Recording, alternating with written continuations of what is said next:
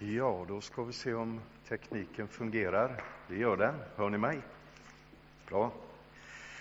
Stor glädje att vara här, dela gudstjänstgemenskapen. Tack Kjell för inbjudan. Det är något visst med västkustpojkar. Grabbar från Åstol, det är inte dåligt. Säger jag som bor i Roslagen. Men jag är född och uppvuxen på den rätta sidan av landet, som vi brukar säga, som kommer därifrån. Amen, säger Kjell. Stor glädje och eh, även lite sorg och vemod eh, den här förmiddagen. För eh, som vi hörde här, det här är ju faktiskt sista gången jag är tillsammans med det här gänget. Och som, eh, ja, det är ju likadant för dig, Hanna. Och igår var det sista natten med gänget. Ehm, det har varit eh, en fantastisk tid. Den 26 januari 2008 eh, då gjorde vi vår eh, första, vårt första möte, konsert, tillsammans. Förlåt om det blir lite internt här nu i inledningen, lite familjärt, men det må vara hänt. Vi har alltså gjort nästan 140 konserter tillsammans. Och det började inte så långt härifrån, i Falköping. Och eh, första konserten var i Göteborg, Västra Frölunda. Och eh, nu har det gått eh, åtta och ett halvt år nästan. Och eh, jag eh, har ännu inte tröttnat på era sånger, även om jag har hört dem ett antal gånger nu. Eh, och, och, jag måste ju säga det, bland alla de grupper och konstellationer som jag har rest med under mina år, för nu går ju också jag ner för landning med ålderns rätt. Går på övertid lite grann, så det är inte mer än en månad kvar. Eh, men eh, jag tror inte att någon grupp jag har rest med har berört mig så mycket som er och som ni har gjort och som er sång har gjort. Eh, och, och, jag har ställt mig frågan ibland, vad, vad är det som gör att, att inte bara jag, utan alla som lyssnar till er eh, berörs? För det är ju så här att man kan lyssna till sånggrupper och konstatera efteråt att oj, vad bra det var. Stämmorna satt perfekt och allting är jättefint. Men, men det är liksom inte någonting mer. Det rör liksom inte riktigt vid hjärtat. Ni vet den där mättnadskänslan man kan uppleva ibland. Men den infinner sig när jag lyssnar till er. Och jag har undrat vad beror det på? Och jag har inget riktigt bra svar på det. Men, men jag tror att det kan bero på att ni, era egna hjärtan är berörda. För så är det ju. Det som berör oss, eh, det kan vi få vara med och, och vidröra andra människor med. Och det har ni gjort. Eh, och, och sen tror jag att det är en sak till. Eh, jag vet att var och en av er har gått igenom tuffa passager i livet. Livet har inte alltid varit lätt. Eh, och det har också format er och gjort er till dem ni är. Den här sårbarheten och, och beroendet av Guds nåd. Jag vet att ni någon gång sa så här att i början då ville ni bli lite grann av, av frikyrklighetens Spice Girls. Nå någonting sånt, eller Destiny Child eller vad de heter. Men det blev inte riktigt så. Och jag, jag, är glad för det och vi är glada för det. Ni, ni har fått vara med och eh, förmedla en ton ifrån himlen. Så sluta nu för all del inte att sjung sången om himlen som berör våra hjärtan. Tack för åtta och ett halvt fantastiska år. Och jag hoppas ni fortsätter ni behöver ju inte avgå med ålderns rätt. Ni har ju lite eh, tid till. Och jag är helt övertygad om att rätt som det så kallar ni på Hanna när ni behöver hjälp. Och då kan hon inte motstå, utan då kommer hon att ställa upp. Ja, nog sagt om detta. Eh, nu så eh, ska jag försöka hålla en liten kort eh, mix av predikan och information då om Läkarmissionens hjälpinsatser. När vi började för åtta och ett halvt år sedan, då vet ni tjejer i Bokasis att det fanns ett, ett tema jag väldigt ofta återkom till. Ett arbete som Läkarmissionen har varit involverad i i många år och som har berört mitt hjärta.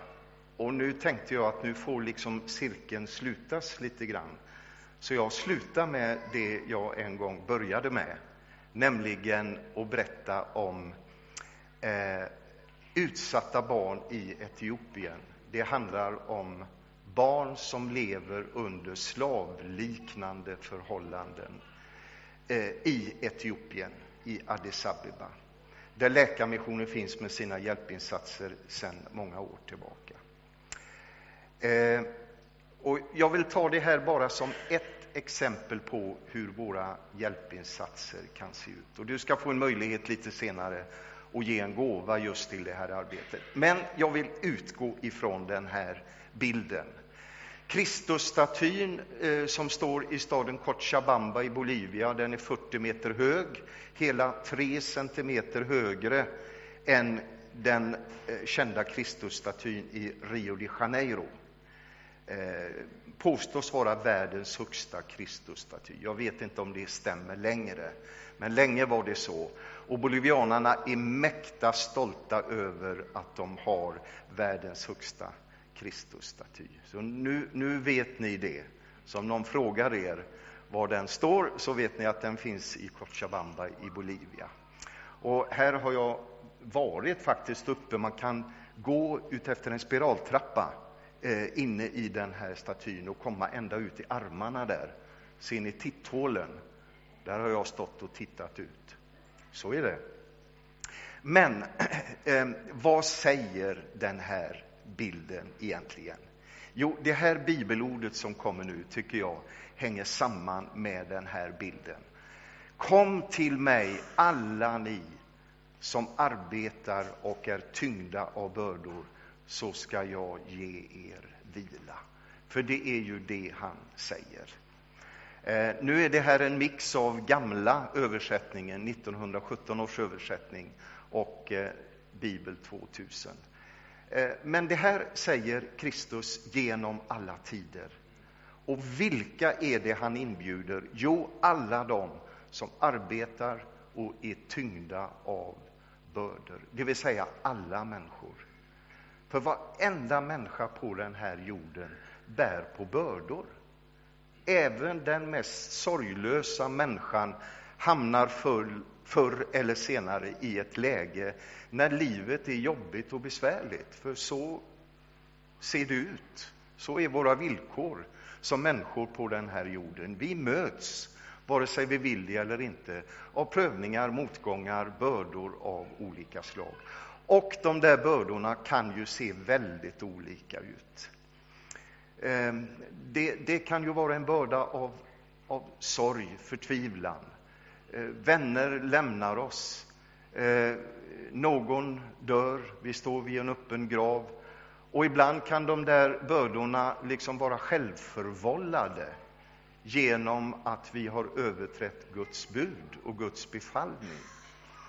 Och i det läget eh, gäller det ju att vi flyr åt rätt håll. Inte bort ifrån Gud, utan att vi flyr in i den öppna famnen. Och som någon sa, att fly från Guds vrede, det är att fly in i hans famn. Gud vredgas på synden, men aldrig på oss. Vi brukar säga att han älskar syndare, men han hatar synden. Så rätt riktning, det är att fly in i Guds famn. Kom till mig, säger Jesus. Och där får vi hjälp med alla aspekter av vårt liv. In i Guds famn.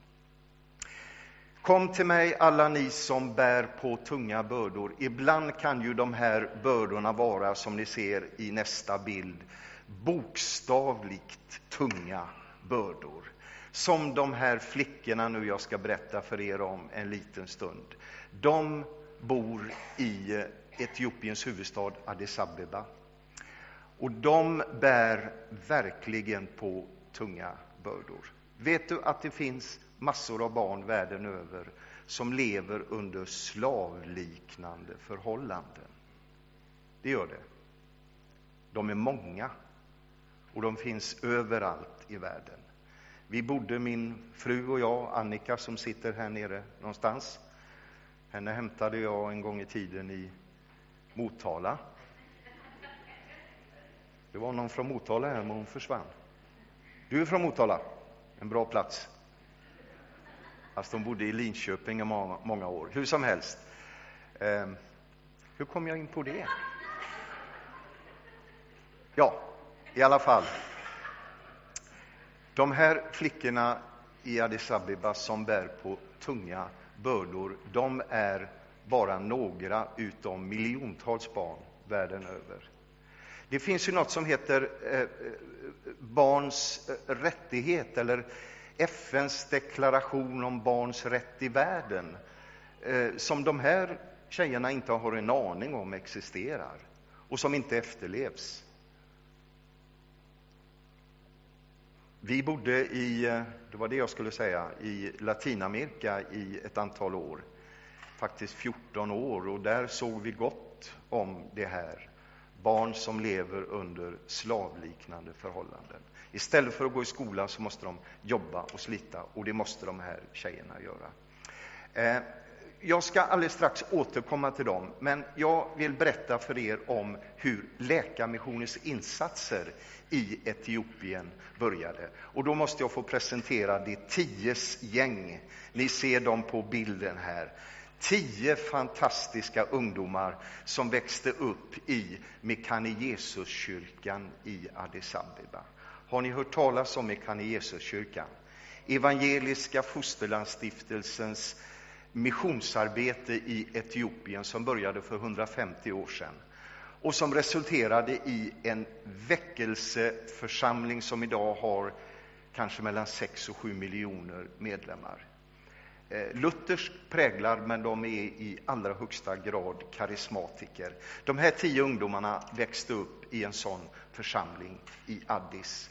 Och de brukade samlas varje tisdagkväll i sin kyrka för att läsa ur Bibeln. Bibelstudium, det är, det är bra, inga dåliga grejer. Och så kom de till den här bibelversen ifrån första Johannes brev 3 och 18. Mina barn, låt oss inte älska med tomma ord, utan med handling och sanning. Och just den här tisdagskvällen, när de läser det här bibelordet, så är det som den helige Ande tar tag i det här ordet. Och det sker någonting i deras hjärtan. De blir berörda på samma sätt som ni, Vokalsis, har blivit berörda och berör våra hjärtan. Bibelordet berörde deras hjärtan och de sa till varandra vi måste ta det här ordet till våra hjärtan och vi måste omsätta det med våra liv. De bodde i ett relativt fattigt område och de såg att här fanns det hemlösa människor, drogmissbrukade, prostituerade kvinnor, eh, gatubarn, allsköns elände, stora behov. Och där fanns det barn, många barn, som levde under slavliknande förhållanden.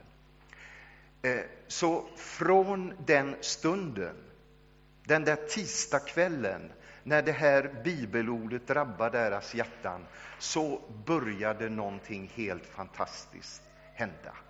De där tio ungdomarna som nu har kommit upp i mogen ålder och är mogna ungdomar i 35-årsåldern, eh, de startade upp ett arbete, en organisation som har, jag höll på att säga, vänt upp och ner på hela området där i norra Addis Abeba. De fick vara med och hjälpa eh, utsatta människor, barnslavar, prostituerade kvinnor, hemlösa, Eh, ge dem jobb, de byggde skolor i slummen och så vidare. Och så vidare. Och så fick Läkarmissionen eh, vara med på ett hörn och det har vi varit nu i eh, nio och nästan tio års tid. Jag var bara några dagar gammal på jobbet på Läkarmissionen i den här uppgiften när vi började det här arbetet. Och så fick jag möjlighet att komma ner till Addis några år senare och då mötte jag de här tjejerna som ni ser på nästa bild. Eh, jag frågade nämligen, skulle jag kunna få följa med er och se hur ser en dag ut på jobbet? Ja, visst, sa de, det får du jättegärna göra. Välkommen imorgon bitti klockan fem, för då börjar vår arbetsdag. Och det hade jag ju inte riktigt tänkt mig. Jag tycker det är skönt, skönt att sova lite längre än så, men okej. Okay. Eh, säger man A får man säga B och jag eh, gick upp i gryningen och jag hade med mig en av de här killarna ifrån de ties gäng. Och jag märkte eh, åtminstone tre saker. Jag märkte att det var mörkt. Eh, och det ser ni på bilden. Riktigt mörkt. Och det var kallt. För det är det när man befinner sig på över 2000 meters höjd. Det är väl ungefär så som Addis Abeba ligger. Och jag märkte en sak till. Vi var inte ensamma. För när vi tågade iväg där tidigt i gryningen, innan tuppen hade vaknat, så hörde jag ljudet av steg, massor av steg. Det var hundratals barn som var på väg till jobbet. Och vi vandrade en och en halv timme, kanske ja, drygt det, uppför ett högt berg, Entotoberget. Och när vi väl kom dit, då var, det, då var det fortfarande eh, nästan mörkt, det var precis i gryningen. Då började deras arbetsdag. Och vet ni vad deras arbete bestod i? Jo, de skulle plocka eh, kvistar, grenar ifrån eukalyptusträden som växer där uppe, som hade fallit ner på marken. Och de fick inte klättra upp i träden och bryta några kvistar, men, men de fick ta det som hade ramlat ner. Och där jobbade de i många, många timmar. Och till slut såg det ut så här, eh, som ni såg på bilden förut. Då hade de eh, fått ihop ett rejält fång med ris som de sen skulle bära över sina späda skuldror tillbaka till huvudstaden. Och det var ju lika lång väg tillbaka. Skillnaden var att nu bar de tunga bördor. Tunga bördor. De här två tjejerna ni ser på bilden är Sagners och Aster. Sagners är närmast kameran. Hon är 13 år. Och så har hon sin 11-årige kompis Aster som skymtar i bakgrunden och båda bär de på jättetunga bördor. Vi vägde de här bördorna, la dem på en sån här stor eh, industrivåg och konstaterade att eh, Sagners börda åtminstone vägde 47 kilo. Och så frågade vi henne hur mycket väger du själv? Ja, jag väger ungefär 42 kilo, sa hon. Du förstår själv. Bördor som är tyngre än den egna kroppsvikten bär de här tjejerna varje dag. Fem dagar i veckan, ibland sex dagar i veckan. Vi behöver ju inte mycket fantasi för att förstå att deras späda kroppar tar stryk av det här arbetet. Det gör de. Och när de sen kommer hem till sin arbetsgivare där de bor, bor direkt på golvet, ingen lyx, så är inte arbetsdagen över, utan då ska de hjälpa till med hushållsgöromål och de ska städa och ibland händer det att arbetsgivaren utnyttjar de här flickorna också på annat sätt. Du förstår nog vad jag menar. Så ser livet ut för tusentals. Vi, vi frågade hur många finns det? Ja, det var ingen som riktigt visste, men någonstans mellan 2 och tre tusen barn enbart i det här området har det på det här sättet, eller hade det på det här sättet. För saker och ting har som sagt börjat förändras och se annorlunda ut. Nu frågar ni, hur kan det vara på det här sättet? Och då måste ni ju ha den här bakgrunden. De här barnen, de allra flesta, är köpta.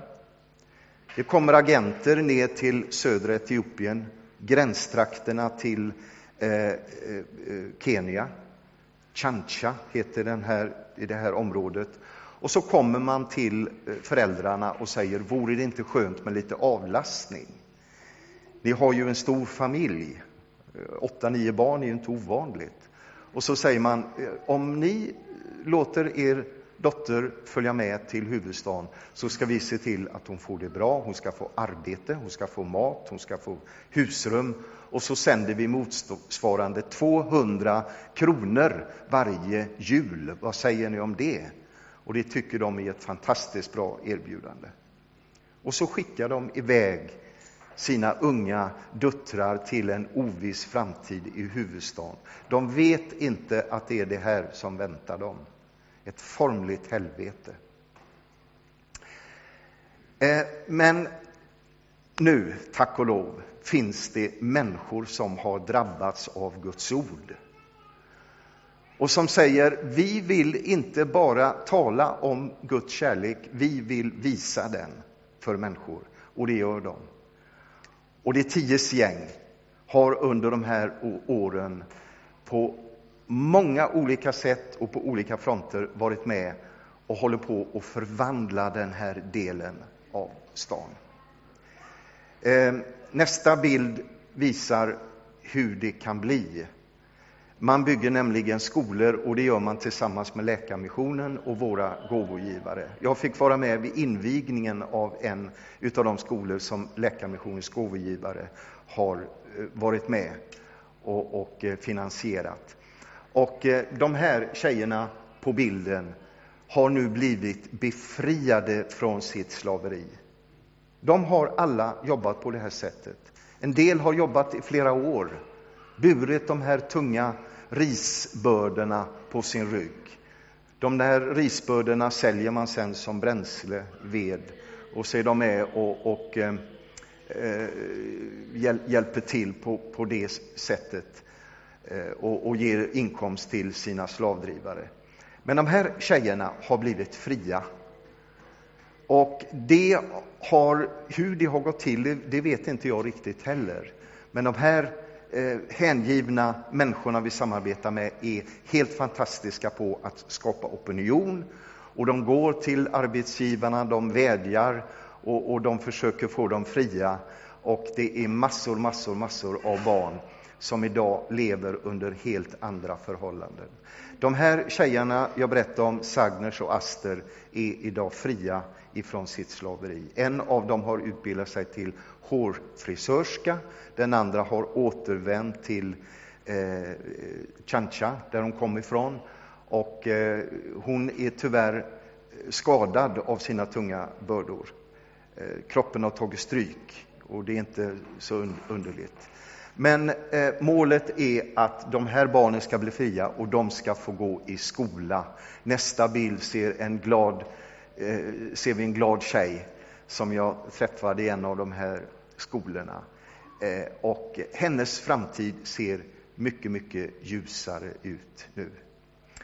Och så frågar du kanske, precis som en dam gjorde för bara några veckor sedan, när jag berättade om ett annat hjälparbete som, som Läkarmissionen bedriver. Vi jobbar ju väldigt mycket med barn och barns utsatthet.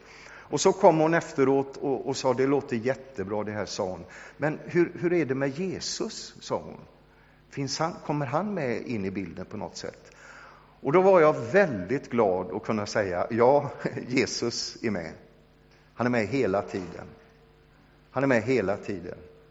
Och, och hans, eh, eh det han säger eh, och, och, och, det budskap han ger och det han gör människor, det gäller ju hela människan, ande, själ och kropp. Eh, det finns ingen motsättning mellan det som är andligt och det som är socialt. Jag var i Addis, jag har varit där några gånger och sist jag var där så träffade jag en kille eh, som heter, eh, han heter, eh, ja, det spelar ingen roll, namnet försvann, men han heter någonting i alla fall och han är i 20-årsåldern vid det här laget. Han är också en av dem, jag skulle kunna visa att eh, Semed heter han, Semed. Där har vi det. Och eh, eh, jag ska bara avsluta helt kort berättelsen om, om honom. Han berättade för mig att eh, han kom till huvudstaden Addis. Hans mamma hade dött i hiv-aids. Eh, det är ju en sjukdom som drabbar en hel värld, inte minst Afrika. Och eh, det finns massor av aidssjuka människor i Etiopien. Hans mamma hade dött i hiv-aids, hans pappa fanns liksom inte med i bilden. Och så kommer han till Addis i hopp om att få ett arbete. Det får han inte finns inget jobb för honom. Han är i det närmaste analfabet. Och så hamnar han på gatan och han tigger och han kommer med ett kriminellt gäng och det blir droger och hela paketet. Tills en av de där fantastiska ungdomarna du såg på bilden, en av de tio, kommer en sen kväll och ser honom på gatan, fullkomligt plockar upp honom och tar honom till vårt hem som heter Safety Home. Och där får han bo. Där tar han emot Jesus. Han blir frälst, som vi säger. Och han börjar studera till läkare. Lär sig läsa och skriva på kort tid. Eh, är skärpt, lämnar drogerna, det gamla livet. Och när jag möter honom så formligt lyser det om honom. Och så ser han mig i ögonen och så säger han de här orden. Du förstår, säger han, på bra engelska, för det hade han också lärt sig. Jesus förändrade allt. Jesus förändrade allt. Finns Jesus med i bilden? Ja, han finns med i bilden. Och han står genom alla tider med sin vidöppna famn och säger Kom till mig.